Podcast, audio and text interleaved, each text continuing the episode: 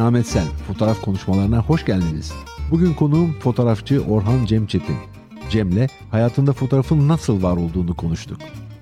Orhan Cem Çetin hoş geldiniz. Çok teşekkür ederim. Hoş buldum. Nasılsınız? Çok iyiyim. Siz de iyisinizdir umarım. Teşekkürler. Cem ilk serginizi 1988 yılında açtığınız Tanıdık Şeyler. Alternatif yaklaşımlarınız da dikkati çekti. O yaklaşımları bütün sergileriniz boyunca da sürdürdünüz. Türkiye'de çok sayıda hem kişisel serginiz açıldı hem de grup sergilerine katıldınız. Sanatsal çalışmalarınızın yanı sıra fotoğraf alanında danışmanlık yaptınız, yöneticilik yaptınız fotoğraf şirketlerinde. Fotoğraf eğitmenliği, editoryal fotoğrafçılık yaptınız, tanıtım fotoğrafı çektiniz. Bir dönem İstanbul Modern'in fotoğraf galerisi çerçevesinde danışmanlık yaptınız. Fotoğraf editörlüğü, çevirmenlik, yazarlık yine uğraşlarınızın içerisinde. Fotoğraf albümlerinizi de unutmuyoruz. Renkarnasyon, Bedava Gergedan ve 2018 senesinde Tut Keep başlıklı fotoğraf albümleriniz var. Fotoğraf hayatınızda neyi değiştirdi ya da siz fotoğrafta neyi değiştirdiniz? İlkine çok iyi bir cevap veremeyeceğim çünkü hatırlayabildiğim kadar geriye gittiğimde neredeyse hep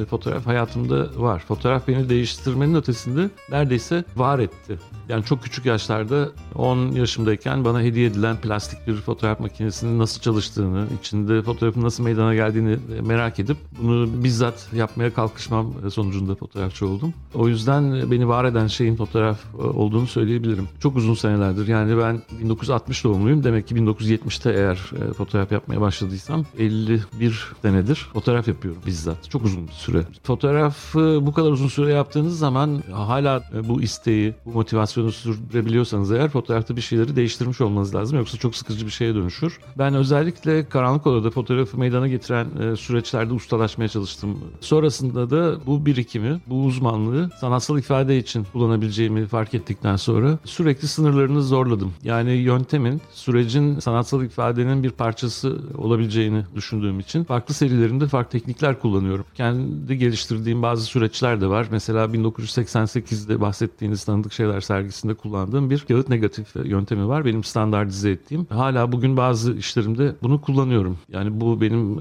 belki de fotoğrafçılığa bir katkım olabilir. Kendi geliştirdiğim bir yöntem. Bir görüntüyü kağıt üzerine negatif olarak bastıktan sonra boyuyorum elle ve tekrar ondan bir negatif aldığımda resim pozitife dönüyor, renkler negatife dönüyor. Kendine özgü bir estetik ortaya çıkıyor. Bu hala kullandığım bir yöntem. Burada hala fotoğraftan bahsetmek mümkün mü? Şüphesiz. Çünkü temelde süreci başlatan orijinal görüntü bir fotoğrafik görüntü. Optik yolla elde edilmiş gerçek dünyadan bir sahnenin kaydı. Fotoğrafı boyama kısmı da fotoğrafçılık kadar eski bir şey biliyorsunuz. Yani renkli fotoğraf 20. yüzyılın başlarında denenmeye başlayana kadar ancak monokromatik olarak elde ediliyordu görüntü ve elle boyanıyordu. Çok eski bir yöntem fotoğrafın elle renklendirilmesi. O yüzden eğer biz arkaik yöntemlerde boyanmış fotoğrafları bugün fotoğraf olarak kabul ediyorsak benim yaptığımda hiç şüphesiz bir fotoğraf. Peki siz kendinizi sanatçı olarak mı tanımlıyorsunuz yoksa fotoğrafçı olarak mı tanımlıyorsunuz? Kendimi yani külliyen bir tanım altına sokmam pek mümkün değil. Çünkü hiç kimse o derece yalın kat, tek bir kimlik taşıyan bir varlık değil. Kimi zaman sanatçıyım, kimi zaman fotoğrafçıyım. Ama sanatçı kimliğimi daha çok sevdiğimi söyleyebilirim. Çünkü orada özgür irade, inisiyatif, kendi aklımdan geçen veya kendi zihnim içinde taşıdığım dünyayı görselleştirmek gibi bir süreç var. Beni daha çok yansıtan, daha çok temsil eden bir süreç oluyor. Ama fotoğrafçı kimliğim sipariş üzerine veya bir net pratik ihtiyaç için fotoğraf üretmek anlamına geliyor. Bunu da mesleki olarak uyguluyorum ama o zaman bir başkasının görsel sözcüsüyüm diyebilirim. Beni daha az anlatan, daha çok fotoğrafik bir denklemi çözmek üzere, bir başkası için bunu yapmak üzere orada bulunan daha artizan tavrı içinde birisiyim. Sizin için disiplinler arası gidip gelen bir yolcu diyebilir miyiz? Diyebiliriz, diyelim hatta. Burada disiplinler arası tabii tanımını fotoğraf alanının zaman zaman dışına da çıkabilmeme, çıkmaya cüret etmeme borçluyuz. Bugün disiplinler arası sanatçı dediğimiz zaman kendisini tek bir yöntemle ifade etmeyen, diyelim ki resim yaparken bunun yanı sıra video kullanan, bedenini bir enstrüman olarak kullanan, performanslar yapan, metinler yazan, bunların hepsini bir eserin içinde toplayan insanlara daha çok böyle söylüyoruz. Benim de işlerimde bu tür girişimler, böyle deneyler var. Peki Peki siz bu işleri yaparken kendinizi nasıl tarif ediyorsunuz? Gelecek kuşaklara bir deneyim aktaran insan olarak mı? Bir kültürü fotoğraf aracılığıyla taşıyan bir taşıyıcı olarak mı? Nasıl görüyorsunuz kendinizi? Aslında 1990'ların ortalarına kadar yaklaşık olarak ikinci söylediğiniz gibi yani fotoğrafı bir bellek oluşturmak, geleceğe bir not bırakmak, bir mesaj bırakmak, geçmişte yaşanmış bir şeyi bir konserve gibi geleceğe aktarmak gibi düşünüyordum. Ama özellikle 90'ların ikinci yarısında performans sanatıyla e, tanıştım. Türkiye'de bazı girişimler oldu bu konuda. Disiplinler Arası Genç Sanatçılar Derneği diye bir derneğin girişimiyle performans e, günleri düzenleniyordu İstanbul'da. Birçok kişi bu sanatla o zaman tanıştı. Ben de bu etkinliklerde çağrılı sanatçı olarak e, yer aldım ve performans sanatının şimdi ve burada temelli bir eylem olması, kayıt altına alınmamasının tercih edilmesi, o anki izleyici deneyiminin biricikliği adına ve sanatçı ile izleyici arasında eşsiz, ucu açık, etkileşim merkezli bir deneyim yaşanıyor olması beni çok etkiledi. Bu fotoğrafta olmayan bir şey. Çünkü siz fotoğrafı üretirken kendi başındasınız. Ortaya bir iş çıkıyor. Sizin o işle bağınız kopuyor. Seyirci ondan sonra devreye giriyor. Böyle bir gecikmeli karşılaşma var. O yüzden e, performans sanatları çok ilgimi çekti. Fotoğrafı da biraz oraya e, çekmeye çalıştım. Yani benim yine 2000 yılında asfalt yol üzerine polaroid transfer yapmam veyahut e,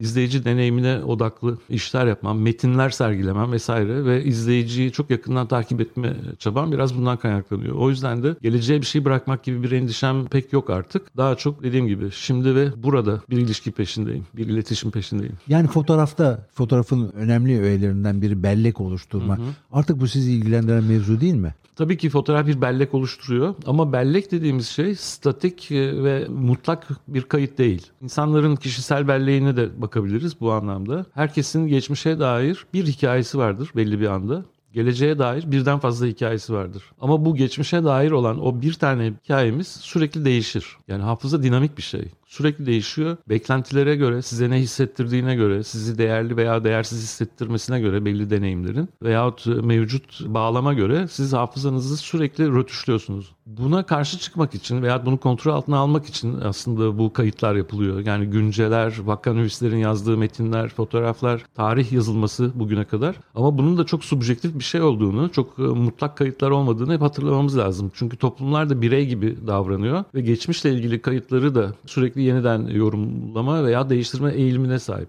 O yüzden bizim ürettiğimiz fotoğrafların da gelecekte tek bir hikaye anlatması mümkün değil. Onu kontrol altına almak da çok mümkün değil. Mutlaka e, geleceğe aktarılacak benim fotoğraflarımın da bir kısmı ama gelecekteki insanların ne söyleyecekleri hakkında pek fazla bir fikrim yok. Mümkün olduğu kadar etrafındaki bağlamıyla birlikte aktarmaya çalışıyorum. Yani şu an yaptığımız konuşma mesela kayıt altına alınıyor olması ve gelecekte de insanların bunu dinleme ihtimali veyahut e, işlerin yanına yazdığımız e, metinler, sergiler, işler üzerine yapılan tartışmalar bunların kayıt altına alınması da o fotoğrafların geleceğe aktarılması kadar önemli diye düşünüyorum. Peki siz kim için fotoğraf çekiyorsunuz? Benim gibi insanlar için. Ben şuna karşıyım. Yani sanatçının kendisi için üretmesi ve öncelikle onu tatmin etmesi gibi bir ilke var. Bu tabii ki şüphesiz tatminden daha çok içimize sinmesi ve bunu sergilenebilir olduğu ile ilgili bir son onay kendi içimizde. Bu tabii ki gerekiyor. Ama ben tek başıma bir deneyim yaşamak için fotoğraf üretmiyorum. Fotoğrafı veya herhangi bir sanat eserini izleyici ile sanatçı arasında bir köprü olarak kabul ediyorum. Deneyimin kendisinin bir yapıt e, olduğunu düşünüyorum. O yüzden de benim gibi benim imge dünyamı paylaşabilecek, benzer gündemi olan, benzer çatışmalar yaşayan, hayata karşı benzer bir sorunsal içinde olan insanlarla ortak bir deneyim yaşamak için üretiyorum. Buna vesile olması için. Aslında burada benim sormak istediğim bir sonraki soruya da cevap vermek durumunda oluyorsunuz. Çünkü merak ediyorum sizin gibi insanlar nasıl diye. Ama buna cevap verdiniz. benim gibi insanlar nasıl işte işlerime baktığınız zaman yani benim nasıl bir insan olduğumu görme ihtimaliniz var. Meraklı, kentli. Kendimi tarif etmem zor. Eğer bunu başarabilseydim belki bu kadar çok fotoğraf yapmam gerekmezdi ama yani varoluşu sorgulayan, hayatın manasını araştıran çok kaba bir deyişle. Yani bu bir klişe ama bir yandan da en temel sorun. Yani biz niye e, varız ve bizi mutlu edecek olan huzurlu ve neşeli e, hayata nasıl ulaşırız? Çatışmalarla nasıl başa çıkabiliriz? İçinde bulunduğumuz topluma, çevremizdeki insanlara, hayatına girdiğimiz insanlara karşı sorumluluklarımız e, nelerdir? Ve bunu nasıl daha huzurlu bir hale getirebiliriz? Bunlar çok temel sorular. Bunlar bunları araştırdığımı söyleyebilirim. Ölümle başa çıkmak için, ölüm fikriyle başa çıkmak için birçok sanatçı çalışıyor. Benim için de bu çok temel bir tema. Bunları merak eden, bunları sorun haline getiren, cevaplarını arayan, kendi içinde tartışan insanlarla bir büyük meseleyi paylaşmak için ürettiğimi söyleyebilirim. Cevapları bulmak imkansız ama en azından o yolda olmak önemli.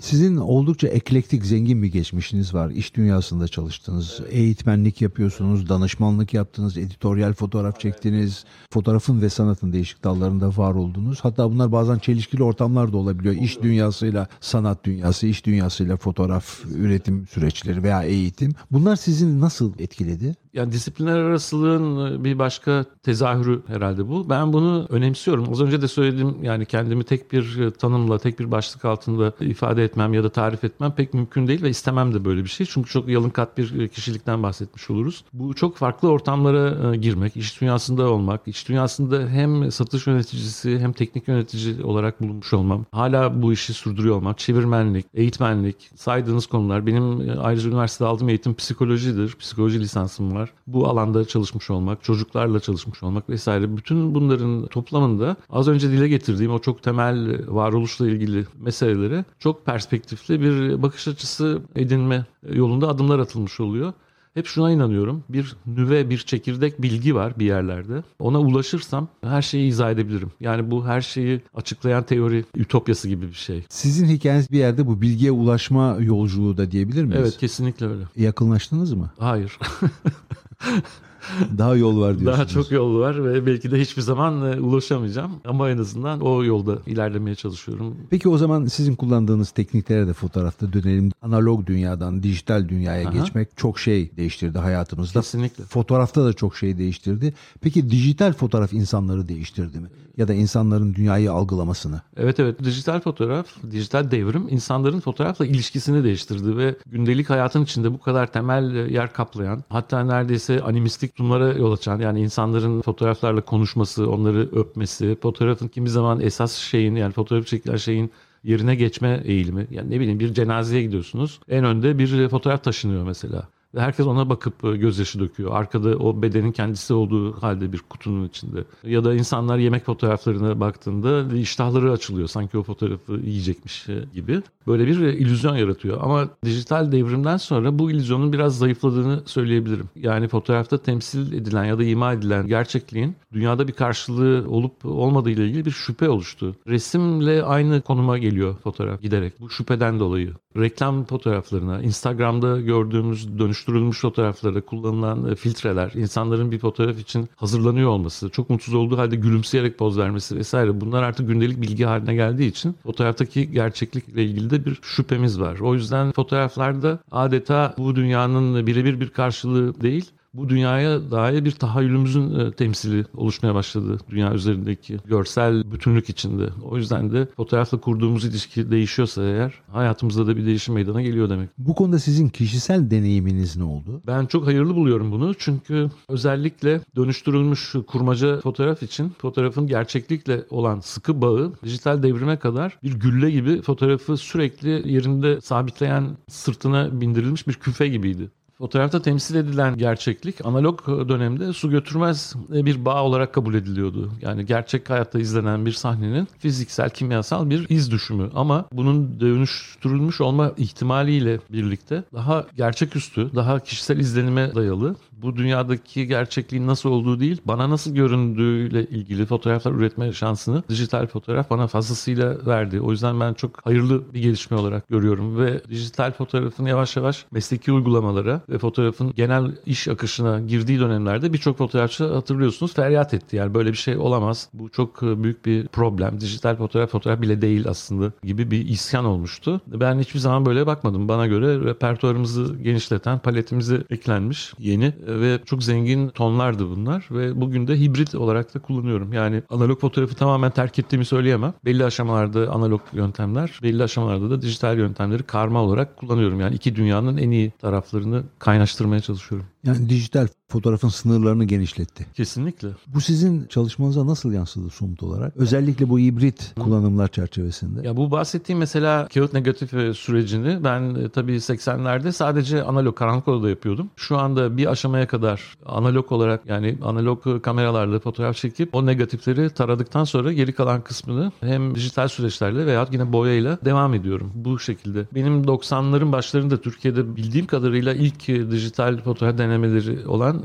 az önce bahsettiğiniz reenkarnasyon e, serisinde de yine taranmış e, fotoğrafları bilgisayarda renklendirerek ürettiğim bir seri vardı. O da çok tepki gördü. Yani bunlar ne biçim fotoğraf? Soysuzlaşmış yani fotoğraf gibi. Ama az önce söylediğim gibi benim esas çabam dünya böyledir değil, bana böyle görünüyor veya böyle hatırlamak istiyorum gibi bir müdahaleydi. Dijital buna fazlasıyla imkan sağlıyor. Sizin fotoğraflarınızda dikkatimi çeken bir şey var. Genel büyük görüntülerden ziyade yaşamdan alınmış küçük parçalara önem veriyorsunuz. Ölçek konusu benim çok dikkatimi çekiyor. Genellikle biz dünyaya belli bir yükseklikten ve belli bir uzaklıktan bakıyoruz ve görsel tecrübemiz böyle bir perspektif üzerinden gelişiyor. Fotoğraf bize başka açılardan, başka olasılıklardan bakma imkanı sağlıyor. Özellikle makro çalışmalar bana şunu gösterdi. Bize uzaktan veya o olağan mesafeden temiz ve düzenli görünen şeyler çok yakın planda kirli ve düzensiz tam tersi görünüyor. Veya aksine çok çirkin mide bulandırıcı görünen bir takım şeyler çok yakından baktığımızda tertemiz ve belli bir düzen içinde görünebiliyor. Bu demektir ki kainat e, bizim her zaman deneyimlediğimiz gibi bir yer değil. Ölçüye göre anlam ve şekil değiştiren bir e, dünyadayız. O aradığım gerçekliğe ulaşmak için e, demek ki çok uzaktan veya çok yakından bakabilirim. Nitekim Benimsin serisinde çok yakından makro çekimlerle eşyalara baktığım seride bazı fotoğrafları insanlar çok uzak mesafelerden çekilmiş. Yani bir paslanmış para fotoğrafı insanlara bir gezegen gibi görünebiliyor. Ya da bir küflenmiş yemek e, detayı bir mimari detay gibi görünebiliyor insanlara. Bu da benim o aradığım yani her şeyi izah eden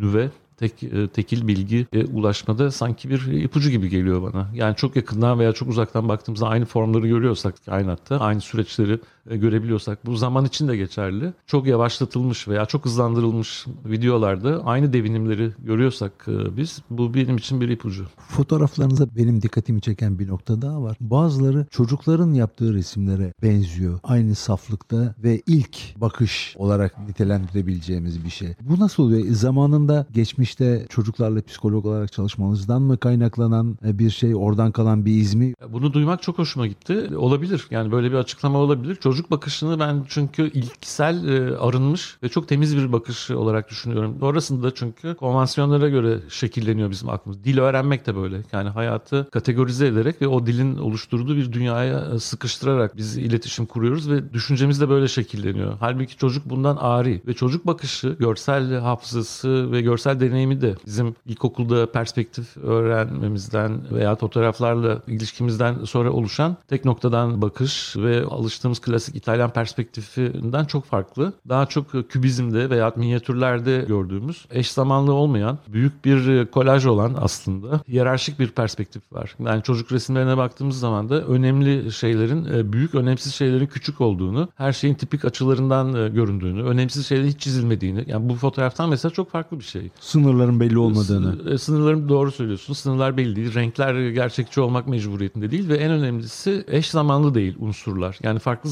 zamanlarda olan şeyleri aynı resmin içinde görebiliyoruz. Bu fotoğrafta mümkün olmayan bir şey ve benim de kafa yorduğum bir konu. Yani David Hockney'nin de mesela beni çok etkilemiş olan bir sanatçı. Kendi kolajlarını izah ederken kullandığı bir akıl yürütme eğer insan bakışına uygun bir fotoğraf üretmemiz gerekiyorsa bizim o alıştığımız tek kare e, fotoğraf hiç uygun bir mecra değil. Hatta şöyle karikatürize eder. Eğer boynu tutulmuş bir tepe göz dünyayı nasıl algılıyor merak ediyorsanız bir fotoğrafa bakabilirsiniz. Ama insan bakışı öyle değil. Yani biz bakışımızı gezdiriyoruz. Bir sürü bakışı birbirine yapıştırarak büyük bir kolaj oluşturuyoruz. Ve bunun içinde de bizi ilgilendirmeyen şeyler silikleşebiliyor. Daha önemli şeyler hafızamızda daha büyük bir yer işgal ediyor. Gerçekten de Rönesans öncesi resim resimde veya çocuk resimlerinde ya da minyatürlerde görmeye alıştığımız ters perspektif ya da bir hiyerarşik perspektiften bahsedebiliriz. Yani dünyanın gökyüzünden göründüğü ama şeylerin karşıdan göründüğü ve öneme göre büyüyüp küçüldükleri bir perspektif. Bu çocuklarda olan bir şey ve sonradan kaybettiğimiz bir şey. Çocuğun o